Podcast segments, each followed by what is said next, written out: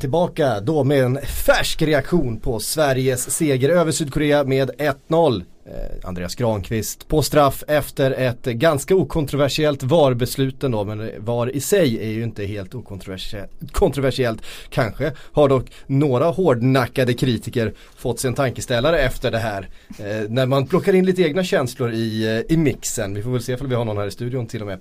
Eh, Frida och Kalle, välkomna hit. Eh, era spontana känslor direkt efter eh, ja, det som är Sveriges första VM-premiärseger sedan 1958.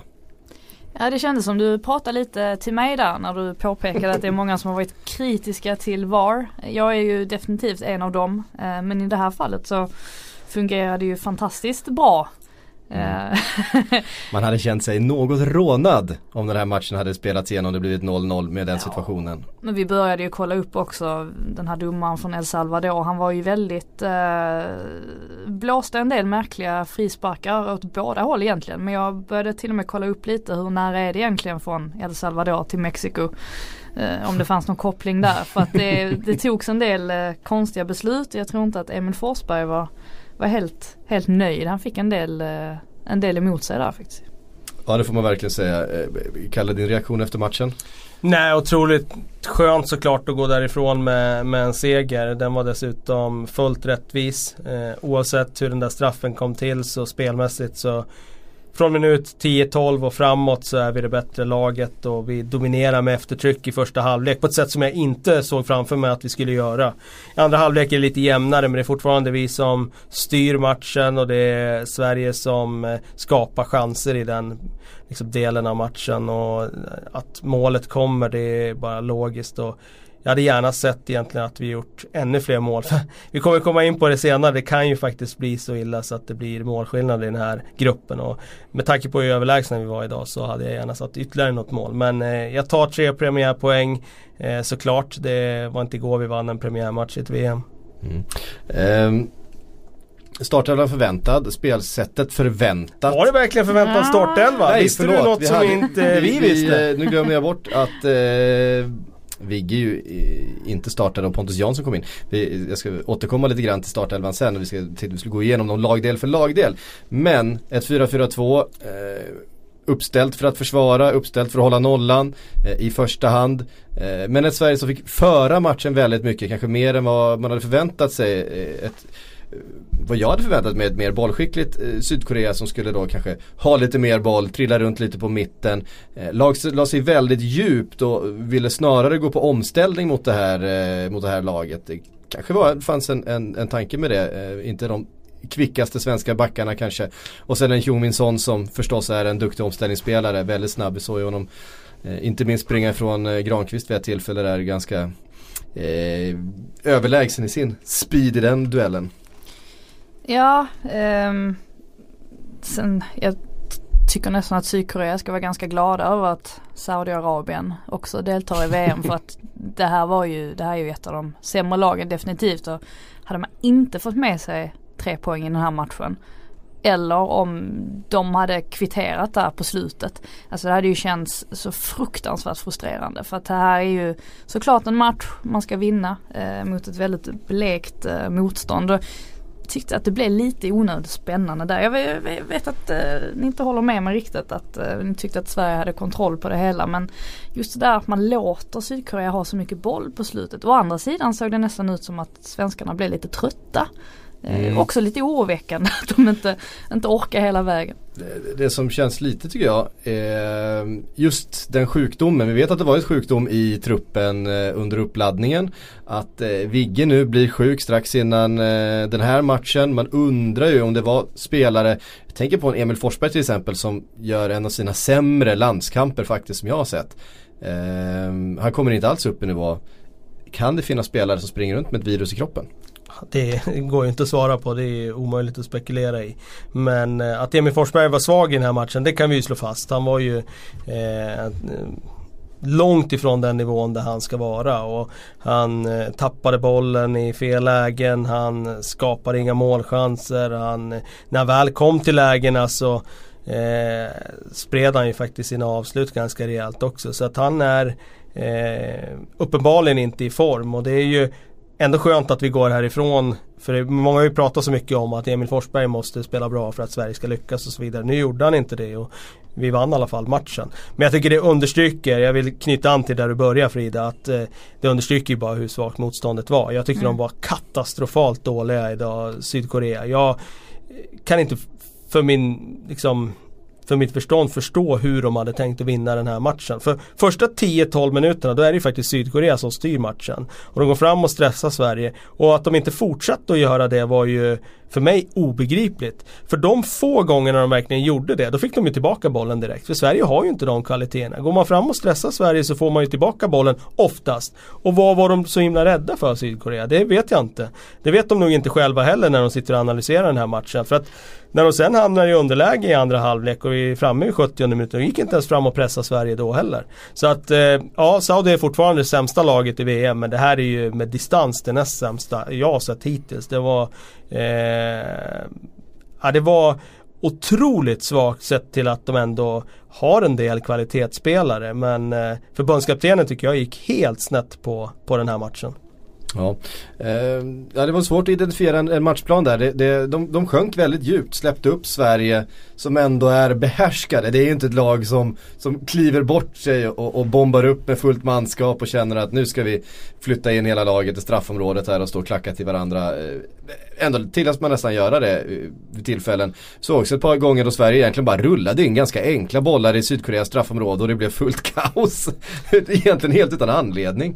Ehm, Ass Alltså det är ju en ganska enkel eh, grundregel att möter du ett lag som är starka i huvudspelen, nu är inte Sverige överdrivet starka men de är starkare än vad Sydkorea är. Och mm. Sydkorea vill ju såklart inte att Sverige ska in i boxen för där har de ju längdundertag och, och så vidare. Att de då faller ner och låter Sverige helt opressade bara stå, stå och sikta in bollar in i straffområdet som Sebastian Larsson och Albin Ekdal i första hand fick göra men även Pontus Jansson och Granqvist för mig var det helt eh, hårresande att se. Jag fattade inte alls vad Sydkorea höll på med där. Och som sagt, jag tror att hade vi spelat matchen på det här sättet så hade vi vunnit 10 gånger av 10. För jag, jag ser fortfarande inte hur Sydkorea skulle kunna vunnit den här matchen. Nej. Eh, om vi nu tittar på det svenska laget då, så som det blev efter eh, Vigges eh, sjukdom. Eh, så kan vi ta det bakifrån och fram och se hur de presterade utifrån sina förutsättningar då. Eh, Robin Olsen i mål. Eh, ställdes inte på några jätteprov men det han, eh, det han gjorde, det, det, det han skulle göra, det gjorde han. Ja, två plus, han fick ju knappt någonting att göra så det går Nej. ju knappt att sätta något annat betyg än godkänd.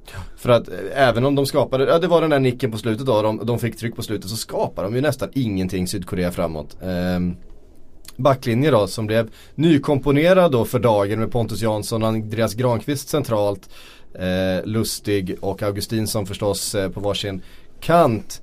Eh, skötte väl uppgiften med eh, förväntad framgång. Mm, ja, alltså jag har egentligen svårt att förstå hur eh, Jan Andersson ska kunna peta eh, Pontus Jansson efter det här. Eh, han går ändå in och det, det, ska man vara tydlig med också att alltså, jag var aldrig orolig när man fick reda på, alltså det är många gånger som man kanske hade om det kommer ett sånt här sent återbud med, med sjukdom att man hinner bli lite orolig att någonting ska, ska rubbas eller störas i organisationen. Men jag tycker Pontus Jansson är en eh, väldigt fullgod ersättare som har psyket på rätt plats och ehm, eh, eh, men han, han vågar ta för sig, han dirigerar, han liksom inte, inga problem med det samtidigt som han är en otroligt lagspelare. Så jag, nej, jag, jag tycker nästan pågen från Arlöv. Han har spelat in sig där i starten. Eh, ja precis och Andreas Granqvist förstås, lagkaptenen, Grande Granen. Eh, kliver fram och så slår han in den där straffen. Hur, eh, hur var pulsen? Han hade ju en ganska märklig match får man säga. För att offensivt så var han ju 5 plus. Han hade ju Beckenbauer-löpningar i första halvlek där han drev fram bollen och tog sig in i offensivt straffområde. Han kom till avslut i första halvlek. Och Även i andra var han uppe och hotade och så slår han in straffen. Så offensivt 5 plus. Defensivt var han ju faktiskt ganska svag. Eh, det var ju han som eh, Sydkorea faktiskt testade. Både i första halvlek när Son eh, sprang ifrån honom eh, och eh, även i andra halvlek när han förlorade duell nere vid hörnflaggan. Mm. Väldigt billigt faktiskt. Och det hade ju faktiskt kunnat kostat ett baklängesmål. Så att defensivt var han ju två svaga 2 plus alltså. Men offensiv 5 plus. Så att det blir väl någonstans däremellan hans betyg. eh, ytterbackarna Lustig och Augustinsson eh, med en uppgift som inte var Eh, riktigt så defensiv kanske som jag hade tänkt utan de, de eh, tryckte på ganska högt upp båda två eh, och gick på överlapp och så vidare. Ingen av dem hade sådär jättemycket del i spelet offensivt ändå skulle jag vilja hävda. Nej, de har ju bara som uppgift att hålla spelbredd så att de drar isär motståndarna och eh, Eh, jag tycker inte deras inlägg var sådär superbra. Samtidigt så, ja, de gör det de ska. Så att eh, mellan 2 och 3 plus på de två. De sätter ju inte heller på några större prov defensivt egentligen. Det var de första 10 minuterna, då tycker jag Sydkorea trycker rätt mycket på Sveriges högerkant. Alltså där Son spelar till vänster då i starten av matchen. Då trycker mm. de rätt mycket där och då tycker jag att vi har lite problem där längs vår högersida. Men man får väl sätta det på kontot att vi skulle komma in i matchen med lite VM-debutanter som Pontus Jansson och så vidare. Och bara komma rätt i, i, i positioner och sådär. Och efter de tio minuterna så kändes det tryggt igen. Mm. Med tanke på hur matchbilden blev så tycker jag nästan det är synd att Martin Olsson inte spelade. För att han må inte vara lika bra defensivt som Ludvig Augustinsson. Men han, jag tycker han har mer fart och fläng rent offensivt. Och just det här att de fick stå och mota inlägg. Eh, han är ju ganska skicklig på det. Ehm, så, så på det sättet var det synd att inte få se honom ju. Ja man får ju ett annat tempo och kanske Alltså så här med facit i hand när när vi har sett hur, hur svaga Sydkorea faktiskt var och vi hade haft chansen att kanske göra ännu mer offensivt mot det här laget så kanske Martin Olsson hade varit ett, eh, ett alternativ då eh, för Augustinsson som ändå gör en, eh, en två, två plus tre plus matchen då eh, i slutändan. Mittfältet då. Eh, det som då slutade med eh, Hiljemark och Gustav Svensson centralt efter att eh, först eh, Albin Ekdal gått av och sen eh, Sebastian Larsson haltat av. Det såg eh, lite oroväckande ut faktiskt. Jag vet inte vad de första rapporterna säger om den skadan. Eh, vad säger vi om våra två centrala mittfältare eh, Ekdal och Larsson? Jag tycker de gör det bra. De får en tacksam match för Sydkorea pressar de ju inte så hårt och de får falla ner och eh, bygga upp spelet ganska ostörda och då vet vi att Sebastian Larsson har ju en väldigt bra fot om han får tid. Och jag tycker att han gör det bra i första halvlek. Jag tycker att Albin Ekdal också gör det bra i första halvlek. Så att deras betyg landar nog på, i min bok på 3 plus på båda. Jag tycker att de eh, vinner mittfältsmatchen. Då möter de ändå en så pass bra spelare som Key. Samtidigt så kan man ju säga att det berodde mycket på att Sydkorea också föll tillbaka och blev så passiva som de blev. Du var inne på det, vi, vi pratade om det lite innan. Sebastian Larsson och Kia är ju faktiskt gamla lagkamrater i, i Sunderland där under en säsong när eh, han var utlånad. Då var ju faktiskt eh, Larsson petad till förmån för Ki eh, vid ett par tillfällen. Eh, så så var det. Men idag vann han. En hämnd idag.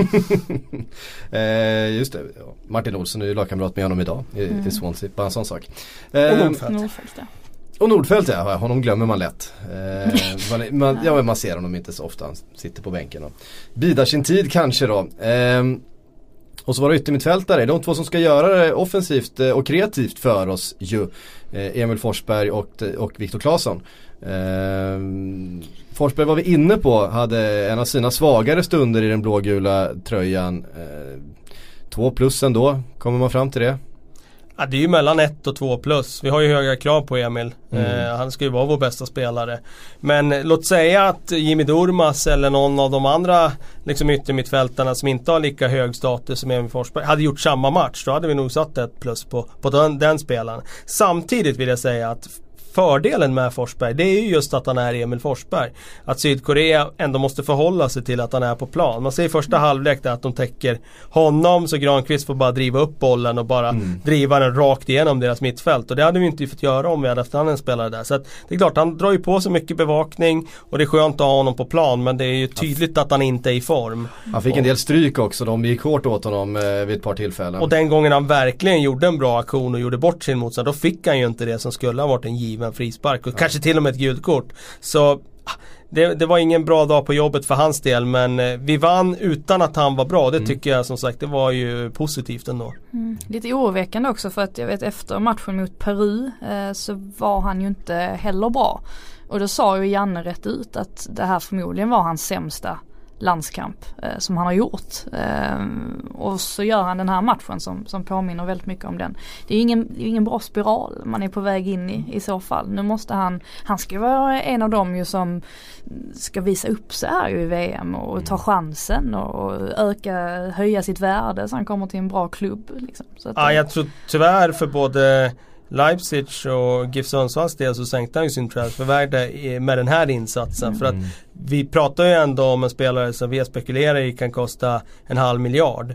Och då måste man prestera bättre när alla kameror är riktade på en än vad han gjorde idag. Samtidigt, det är fler matcher kvar i VM. Jag hoppas att han eh, hoppar upp ett par snäpp redan till matchen mot Tyskland nu.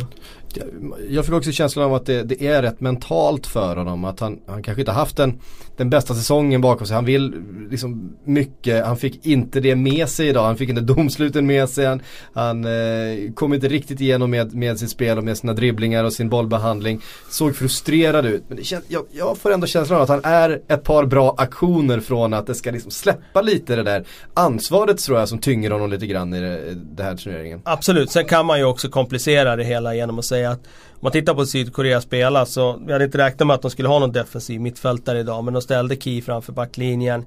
De hade extremt korta avstånd mellan mittfält och backlinje. Så det fanns ju absolut inga ytor för Forsberg alls att och husera i framför deras backlinje. Där han är som allra bäst och där han vill vara. Så vad fick han göra? Jo, han fick söka sig ner och, och hämta bollen från backlinjen.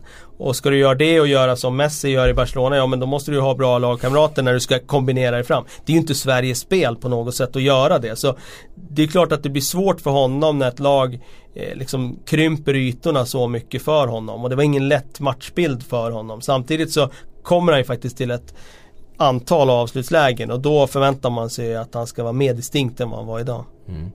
Och så Viktor Claesson på andra eh, kanten. En eh, spelare som kommer från en bra säsong, en spelare som har liksom seglat upp lite grann som eh, det, det kreativa alternativet då till eh, Emil Forsberg.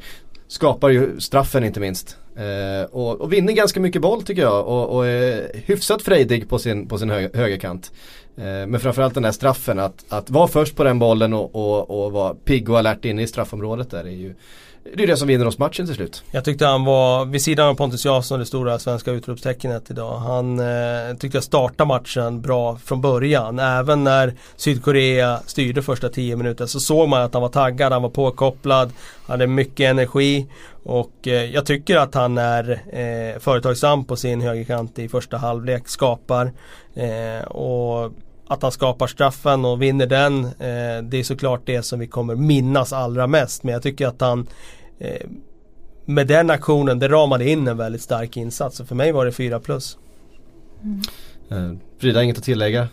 Nej men jag tänkte fundera lite på det sa om, om Forsberg där att han, han är vår stora stjärna utåt och han drar på sig mycket bevakning. Det öppnar ju upp för, för Claesson också att han han ses inte som den här, det här stora hotet vilket han borde göra. Eh, och med tanke på hur hyllad han har blivit i ryska ligan och, och så vidare eh, så, så är det klart att han han besitter ju också en sorts eh, nivå i sitt spel. Eh, som kanske inte är exakt lika hög som Emil Forsbergs men det är inte långt eh, därefter tycker jag. Så att det, är, det är positivt för honom ju på det sättet. Han har ju alltid ett drömmål i kroppen också. Det vet vi Han, han Mm. Ja, det var inte dålig den han gjorde där eh, i slutet av säsongen. Nej, Han precis. höll ju på att cykla in en boll här om veckan också. ja. Precis. Nej, men han, har, han har ju någonting där, Li- lilla lilla extra eh, då och då. Det, det, det är en egenskap man inte ska underskatta. Eh, det kanske är någonting som vår anfallsduo kanske saknar lite grann eh, 2018. Eh, någonting som bjuder på det där lilla extra. Men däremot så vet man ungefär vad man får. Eh, och Marcus Berg om man ska börja med honom, han bör ju göra minst ett mål i den här matchen. Ja, minst alltså. Han, Framförallt i första läget där han styr bollen rakt på målvakten. Han eh, ska ju göra mål där alla dagar i veckan. Han eh, tar sig till chanserna och det är ändå positivt. Eh, han fick fler idag än vad man hade kunnat förvänta sig. Tyvärr höll inte avsluten kanske den kvaliteten som vi, vi hoppas. Eh, Jag tycker ändå att han når upp till 2 plus för att han ändå tar sig till de här chanserna. Och eh, jag menar hade han satt dit ett par av där då hade vi pratat om att han har gjort en, en matchvinnande insats. Jag tycker att han ändå Ja, två svaga i alla fall. Eh, och Ola Toivonen, han är där, han frustrerar, han bråkar. Han, han Ja, pratar det- och han, de, man såg också på slutet även koreanerna började tröttna rejält på honom och det blev blev lite eh, sådär, så det alltid blir runt, eh, runt Ola Toivonen. Vid första anblick när man ska beskriva det svenska landslaget så tänker man sig ett gäng skolpojkar som, som följer Jan Anderssons instruktioner till punkt och pricka och de är duktiga och så vidare. Men vi har ju rätt många grisiga spelare ändå som, som verkligen kan trashtalka och extremt dåligt rykte om sig. Och Ola Toivonen är ju, han är ju Han är nummer ett. av alla. Han är ju bäst av alla på just det. Ja. Eh, han är säkert otroligt frustrerande att möta. Han gick väl också, han hade väl en liten, liten dust där särskilt med en Ja precis, Nej, men man såg, man, så, alltså, man ser ju ofta inte det han gör. Alltså, jag gillar när um, engelsmän brukar kalla det att vara a master of the dark arts liksom. Och han är ju verkligen det. Man ser inte så mycket av det han gör. Det är inte så stora gester, det är inte så mycket gnäll på domaren. Men det är de här små grejerna att han, han, han filmar till sig någonting här. Han tar en sekund extra där och han är där och han ger en liten armbåge och han trampar någon lite på tån och han säger någonting olämpligt och sen till slut så har de fått de där mittbackarna och blir så jävla trötta på honom att att de går bort sig lite grann mentalt, att de trycker till honom lite extra, han skapar någonting och det där är, fan den där egenskapen eh, den där van Bommelska egenskapen ska man inte underskatta i en sån här turnering inte minst där, där eh, det är på något sätt tillfälligheter och stunder som, som avgör matcher finns ju någon sorts kampanjande mot att eh, det liksom finns en grupp som, som hela tiden tycker att ja, byt ut Ola Toivonen, alltså han håller inte.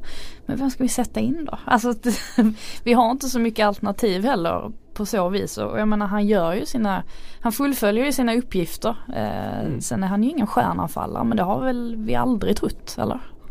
Nej, det, det, alternativet är ju Kiese och jag kan inte argumentera för att Kiese är bättre än vad Toivonen är. Och Nej. Han kompletterar ju Berg, de känner varandra bra och eh, de tog oss igenom kvalet så att jag tycker att han motiverar sin plats där och det är nog precis som ni säger att han, han fyller funktioner som man kanske inte alltid ser. Och ja, han är godkänd idag, det är definitivt 2 plus i alla fall. Mm. Eh, Jan Andersson då om vi ska sätta ett plus på honom. Kalle du gjorde en, en analys i morse här i, i vår TV där du pratar om den nya uppspelsmetoden. Eh, ska man kalla det det? Eh, Ja, kan man säga. Som landslaget använder sig av. Fick de, var det så som du förväntade dig? Var det så de spelade? Eh, eller fick de anpassa sig mycket eh, till eh, Sydkoreas ganska låga spel då som blev efter ett tag när de inte blev på något sätt pressade egentligen alls i sina uppspel. Ja, de använder ju faktiskt den här nya metoden eh, där man bygger upp med två mittbackar. Det som gynnade Sverige det var ju att Sydkorea satte ju inte någon press på dem så de fick ju stå och sikta in de där bollarna utan att vara särskilt stressade och det, det var ju en jättefördel. Det som Sydkorea hade anpassat då, det hänger ju ihop. Det var ju att de hade ställt ner mitt defensiva mittfältaren Key väldigt lågt så att de hade ju väldigt trångt där när de lyfte den där bollen diagonalt som de slog från. Det var ofta Seb- Sebastian Larsson som föll ner och slog den. Då, då var det ju svårt att vinna den där andra bollen för det var ju så extremt många spelare där runt eh, Sydkoreas straffområdeslinje. Eh, så ja, de använde ju den metoden men eh, de, eh, de hade svårt att vinna andra bollarna där eftersom det var så trångt. Och de hade, jag hade räknat med att Sydkorea skulle i alla fall eh, vara mer aktiva i sitt pressspel. För det är ju så de har spelat i, i eh, träningsmatcherna och det var ju så de spelade första 10 minuterna. Då tyckte jag vi hade problem. Mm.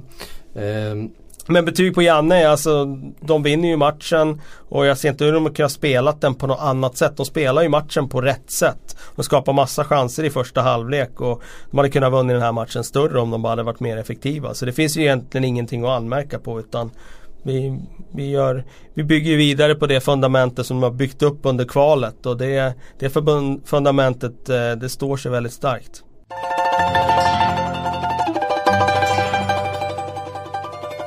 Om vi tittar framåt nu då. Eh, vi ska titta framåt genom att titta lite bakåt. Därför att igår så fick vi en rejäl knall i VM när Mexiko slog Tyskland med 1-0.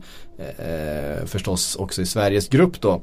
Eh, det var ett resultat som vi hade pratat om det lite grann. Jag hade en, jag, jag hade en magkänsla att, att eh, Mexiko skulle göra någonting mot Tyskland. Det är lite svårt att förklara det. Men jag blev, visst blev man lite, lite besviken på det tyska spelet. Samtidigt som man också blev väldigt positivt överraskad av Mexiko förstås. För de spelade ju frejdigare och, och snabbare och med mer kvalitet än vad jag hade förväntat mig. Men, men Tyskland lyckades inte riktigt komma upp i, i nivå. Trumma igång det där maskineriet som man brukar prata om. Nej, men å andra sidan så spelade ju Mexiko väldigt, väldigt bra och, och spelade ju väldigt smart också. Ehm, och satan vad de sprang alltså. Chicharito och Carlos Vela de måste ha varit helt slut sen efter matchen. De sprang ju något fruktansvärt. Och, Eh, Lozano ser ju otroligt spännande ut. Eh, så att nej, det var ju en bra insats av Mexiko. Det handlar ju inte om att Tyskland var jätte, jättedåliga. Även om de eh, såklart resultatmässigt gör det uselt och de har ändå lite tryck där på slutet och så vidare. Jag tycker mer att jag blev mer orolig för att jag tänkte att eh, jag vill inte att Mexiko ska se så här bra ut. Så här starkt. Nej det var ju tudelat alltså. Man, alltså jag blev glad ända in i själen av att se Mexiko spela som de gjorde för att det var eh, Man har inte förväntat sig det. De är ett stort fotbollsland och de är underskattade liksom både individuellt plan och, och även som kollektiv. Men att de skulle bara eh, plöja över Tyskland på det där sättet som de gjorde. Eh, det, det såg jag inte framför mig. Och det var en överraskning tror jag för hela fotbollsvärlden att de Det här mexikanska landslaget som kommer till VM med så mycket problem och så ifrågasätts förbundskapten Sätter allting rätt mot regerande världsmästarna och bara Inte på något tur liksom att man faller ner något igelkott försvar och så utan De var riktigt riktigt bra och hade ett omställningsspel som var Ja jag vet att det smärtar hos dig nu Patrik Syk när jag säger det här men Det är det bästa omställningsspelet till och med bättre än Liverpool som jag sett den här våren faktiskt. Det var både liksom strategin i hur de tar sig till eh, liksom den första passningen upp i omställningen. Farten, ja den har vi sett att Liverpool också har. Men också kvaliteten i det de gjorde. Det enda som saknades det var egentligen det sista momentet, avslutet. För de hade ju kunnat lett den här matchen i paus med 3-0. Så pass spetsiga framåt var de ju. Eh, så ja, jag blev jätteorolig för Mexiko och den kvaliteten mm. de hade. Samtidigt vet vi att Sverige kommer inte bjuda på de omställningsmöjligheterna när vi möter dem. Det blir en helt annan match. blir, det, det, det, blir inte jättehögt svenskt spel i den Nej matchen. det kommer det inte bli. De kommer låta Mexiko ha bollen. Men då ska vi veta och det är någonting jag kände även i förra VM att Mexiko som, alltså på det individuella planet, det är riktigt skickliga spelare alltså. Mm. De är tekniskt eh, otroligt duktiga och de har en, liksom en bolltrygghet som vi inte kan drömma om i det svenska laget. Så Det här är ett lag som, låter man dem ha bollen, då kommer man få jaga den där bollen. Det kan jag lova. Mm. Så att eh, det, det var ju ett statement som hette duga. Men eh, Tyskland, jag tycker de gör eh, bra första 20 minuterna. Jag tycker det är två riktigt bra fotbollslag. Sen från därifrån från 20-25 minuten. Då är det bara Mexiko. Efter det tyckte jag de såg riktigt trötta och mätta ut. Och jag blev orolig för Tysklands skull inför det här mästerskapet. För om vi tittar på hur det har sett ut tidigare så har faktiskt de regerande världsmästarna i tre av de senaste fyra fallen åkt ur i gruppspelet. Och det finns någonting i det. Det finns någonting i ja. det och titta på de tyska spelarna nu de är bara, de har passerat sitt bäst före-datum. Vi tittar på Özil, om vi tittar på Kedira, tittar på Thomas Müller. Mm. Och har man för många sådana, då, då är det rätt eh, och slätt så att man har en risk att man överskattar eh, laget och sina chanser och vad man är kapabel att göra. Alltså Mexiko blåste ju rakt igenom det där mittfältet. Jag tycker man ser en sån tydlig grej. Alltså de ställer ju upp likadant båda två, 4-2-3-1, eh, båda lagen. Eh, Medan en Mesut Özil som då ska liksom vara den tredje gubben centralt eh, i, i Tysklands spel var helt obefintlig så var en Carlos Vela på motstånd, eh, alltså på, i motsvarande eh, position då för Mexiko otroligt involverad vilket gjorde att det kändes ju hela tiden som att eh, Kedira och Tony Kroos var två mot en, eh, eller två mot tre i det där på, på mitten och blev då överspelade och tappade boll och fick inte tag på den eh, när Mexiko hade vunnit den och så vidare. Jag tyckte i väldigt hög utsträckning var där som, som Tyskland förlorade matchen. Alltså Mexiko tar ju bort Tony Kroos helt från eh, matchen. De raderar honom genom att låta Carlos Vela egentligen punktmarkera honom. Och det var ju påtagligt att se att Tyskland var väldigt idéfattigt när inte Kroos fick styra. Eh, då fanns det inte mycket idéer och då fanns det inte mycket mönster att ta till utan då blev det Kedira, alltså mittfältslungan Kedira som skulle stå och styra. Eller Boateng och det ledde ju inte till mycket alls. Så det är ju någonting som Sverige, som inte använder använt den typen av taktik tidigare i alla fall bör överväga och fundera på med tanke på hur effektivt det var. De fick ju Tyskland helt ur balans genom att ta bort Kroos på det sättet. Jag håller med dig om att det mexikanska mittfältet var ju fenomenalt. Herrera, Carlos Vela, alltså de var eh, starkare, snabbare, bättre egentligen på alla punkter oroväckande också. Jag har ju sett Hummels och Boateng som, som ett av de starkaste mittbacksparen i, i hela turneringen. Och så särskilt Hummels som kliver upp helt obegripligt ibland. Alltså hamnar helt snett och Boateng, alltså tänk på målet också. Då är det Özil som är ända där nere i straffområdet. Alltså vad gör han där? Och så blir han helt bortvänd och så står de där och, och liksom har inte riktigt förstått vad som har hänt. Ja, men jag, jag tänkte på det där, jag håller med dig. Man, man blir förvånad när Özil dyker upp där i liksom eget straff straffområde. Men jag tror att det är en följd av att eftersom Mexiko stänger ner Tyskland så otroligt effektivt. De stänger bort Kroos. De har inga liksom, eh, vägar framåt Tyskland. Då blir det ju så, vad, vad känner Özil då? Jo, jag måste falla ner och hämta boll och börja bygga upp det här. Då hamnar ju han i en position ganska långt ner i plan. Och när de tappar bollen då, ja men då är ju han i den positionen. Och så går det så otroligt snabbt. Det går liksom blixtsnabbt med den passningen upp på Hernandez, pang. Lajon går på sin kant, Lozano går bara maxlöpningar och då, då hamnar ju Özil i ett läge där han måste täcka upp. För om man skickar Kimmich ja, extremt högt på sin högerkant. Han var ju mer högerforward än vad ja. högerback i den här matchen. Och det blev helt tomt där på den sidan. Och då, då blev det ju liksom att Tyskland Tysklands slöaste spelare, Kroos och Özil, de skulle spela defensivt i omställningar där det gick i, i ja, liksom ljudets hastighet. Och då blir det ju som att eh, det blir fel spelare på fel plats och det utnyttjar Mexiko till fullo. Det var en ja, fantastisk insats. Mm. Kan Lozano möjligtvis vara eh, den här nya James, Renato mm. Sanchez. Han har, ju, han har ju i alla fall gjort ett avtryck för att bli den här turneringens, så här långt då, eh, James Rodriguez. Och jag tycker också... Oj, nu, jäklar nu går vi... Jo men alltså om man ska välja någon ah, liksom okay. som har ah, okay. på något sätt eh, över, överraskat. Skriv under på det. Man, man, man, känner ju också att Mexiko har en möjlighet här att liksom bli den här turneringens... Eh, skärmlag. Ja, ja men skärmlag, ja. den här turneringens Colombia liksom. Absolut. Alltså, man, vinner de gruppen här Får de ett lite lättare åttondel. De, eh, då kan man vara i kvart. Då kan man vara i kvart. Mycket kan hända där. Vi har sett Absolut. att de kan slå bra lag liksom.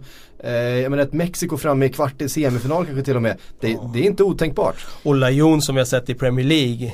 Mm. Oh vad bra han var i den här matchen. Jag tyckte han var också briljant. Och eh, jag tror precis som du säger, det här laget när man kommer från som underdog och ingen har räknat med en och liksom fäller en stor nation på det här sättet och på det, på det sättet de verkligen spelar. Då tror jag också att de här kommer att, att bli nya favoriter hos många neutrala anhängare.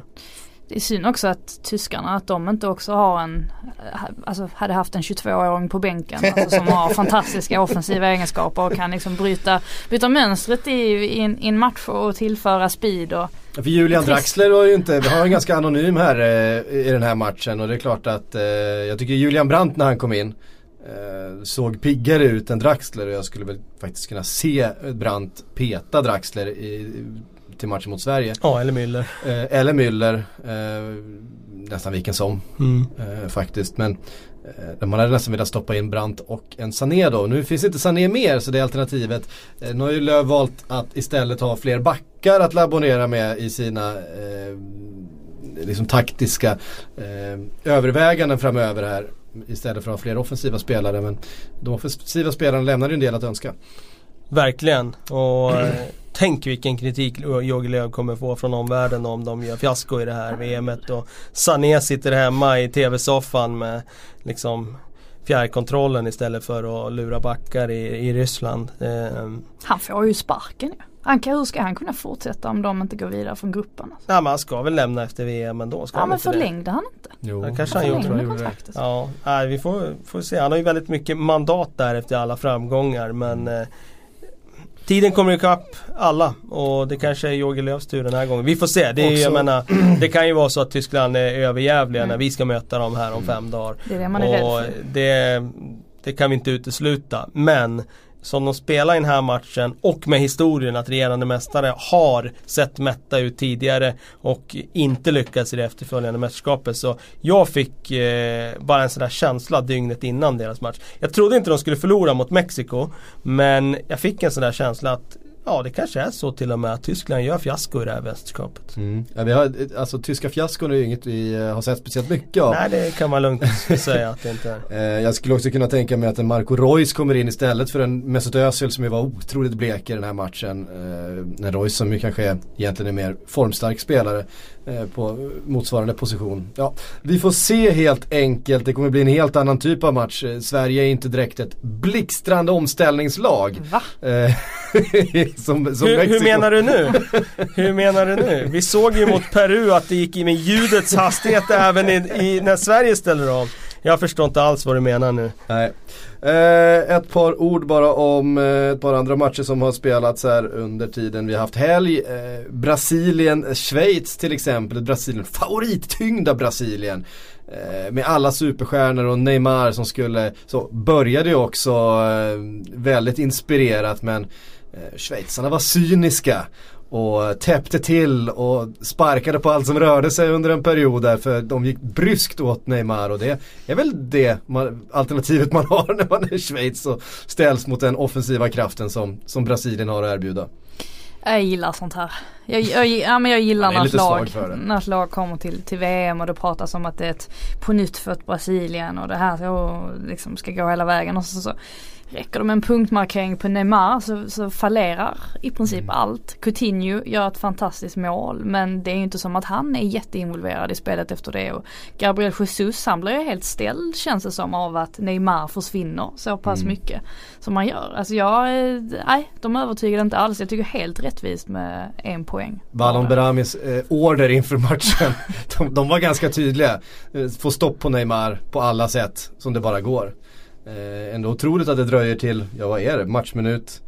Eh, nu har jag det inte riktigt framför mig. Eh, matchminut någonting. Som, Ja 68 innan han får sitt gula kort. För att han kunde ha fått ett par nästan på vägen där känns det som. Ja, och där kan man väl vara lite kritisk ändå tycker jag. För det finns några situationer tidigt i matchen som är eh, att det, det ska ju vara varning på sådana situationer. Då får de inte de korten. Då kan de fortsätta spela på det sättet. De gör ju såklart helt rätt. Det är så man stoppar Brasilien. Jag är jättebesviken på Brasilien måste jag säga.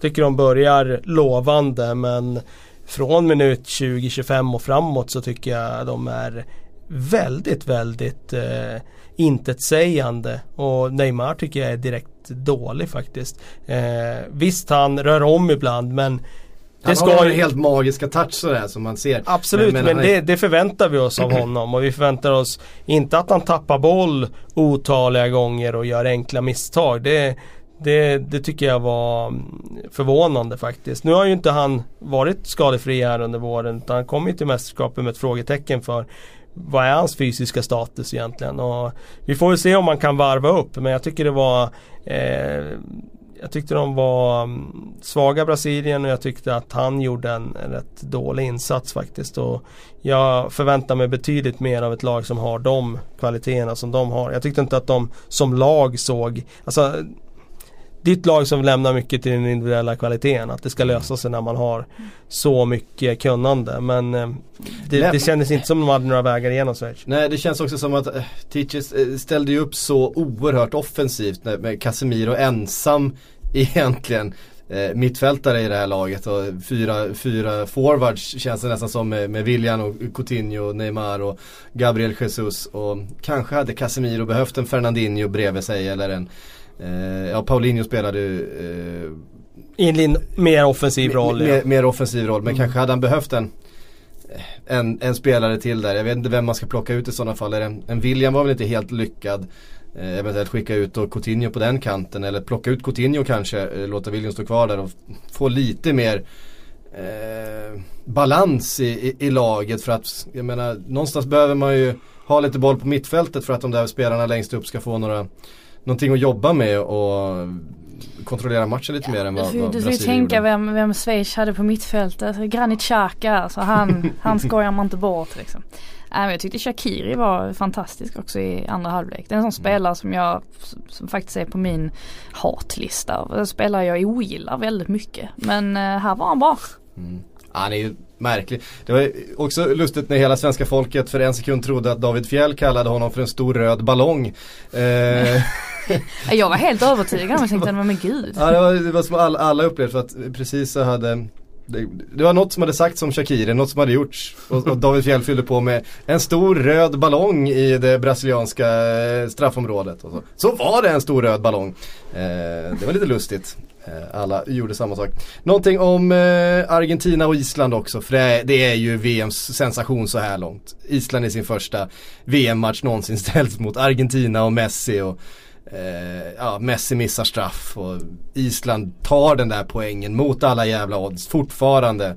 Vad var det? 99,6% av landets befolkning såg matchen på tv. Och, ja, det, den, här, den här isländska fotbollssagan som de upplever just nu den, den fortsätter att mullra på som en vulkan.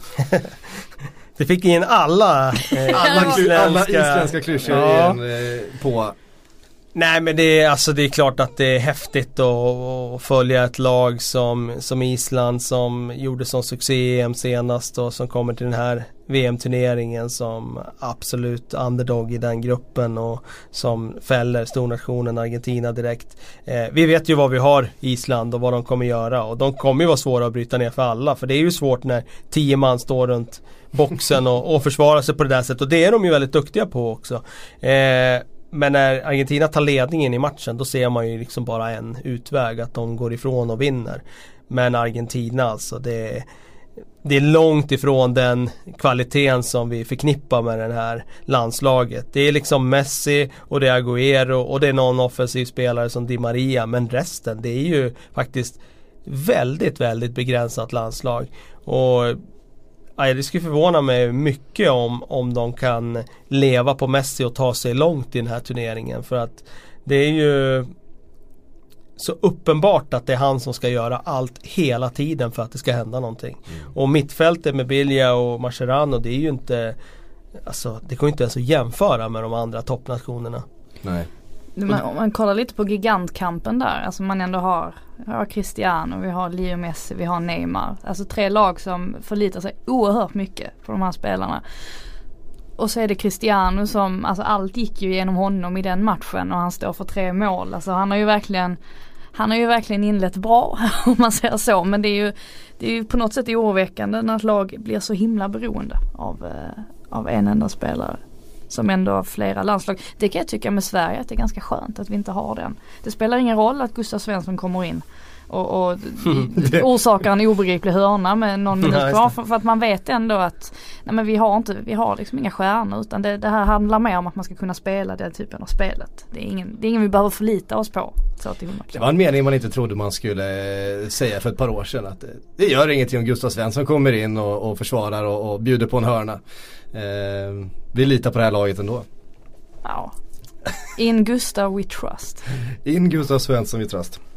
Ja, eh, då var VM igång för Sveriges del och det, det känns väl rätt så bra så här långt. Eh, Tyskland på ja, lördag. Så. Vi har vunnit en, en VM-premiär på första gången på 60 år. Det är ju det är fantastiskt såklart. Sen om man tittar på hur eh, matchen utspelar sig så tycker jag att vi kan gå därifrån med en stabil insats. Det kan inte bli så mycket bättre och jag räknar med att VM-febern i det här landet kommer att stiga till kokpunkten nu inför matchen mot Tyskland. För vi, vill det sig väl här nu och eh, så kan vi faktiskt ha chansen att spela bort Tyskland eh, efter två matcher i VM och det vore väl någonting att, eh, att göra nu när vi verkligen har chansen. Uh, vi kan inte ens tänka tanken. Nej, ja, det var min första tanke. Oh. Nu har vi chansen att skriva historia här och spela bort Tyskland efter två omgångar. Ja, ja vi måste vara cyniska. Ja, faktumet är ju den att kryss för Sverige i den matchen och att Sverige skulle kunna spela 0-0 mot ett Tyskland som inte får till det offensivt som, mm. som måste laborera inför den här matchen kanske för att, eh, för att få igång det här eh, spelet igen. Eh, det är inte alls otänkbart och då hamnar vi förmodligen då i en situation där Sverige och Mexiko båda två är vidare vid ett kryss. Och vi vet ju hur det brukar bli när två fotbollslag båda två vill att det ska bli kryss. Då tar man inte jättestora risker framåt utan då då blir det ofta kryss. Då blir det ofta kryss. Vi vill minnas en match mot Danmark, jag vill minnas en match i U21 EM eh, som Sverige har varit involverade i, i, i den här typen av eh, situationer och det har ju Och vi är ju inte unika i fotbollsvärlden när det gäller det heller. Långt ifrån, långt ifrån. Nej men det är, det är klart att för att, för att göra ett mål, eh, för att vinna fotbollsmatch måste du riskera något. för att spela ett kryss behöver du inte riskera någonting. Eh, och det är, inte, det är inte konstigare än så ju. Men herregud, dit är det väldigt långt. Dit är det långt, först ska vi förbi världsmästarna. Ja, det ska vi göra. Det ska faktiskt bli oerhört spännande. Eh, vi är tillbaks från eh, VM-podden eh, före dess med fler reaktioner. Sen på söndag så kommer till avsnitt där vi behandlar en svensk VM-match och det är ju någonting speciellt. Det är det verkligen. Glöm inte heller Sillypodden som kommer komma ut under veckan. Så, tack Kalle, tack Frida för att ni kom hit. Tack för att ni har lyssnat. Nu är det Belgien-Panama va? Herregud, vi måste iväg. Stormat.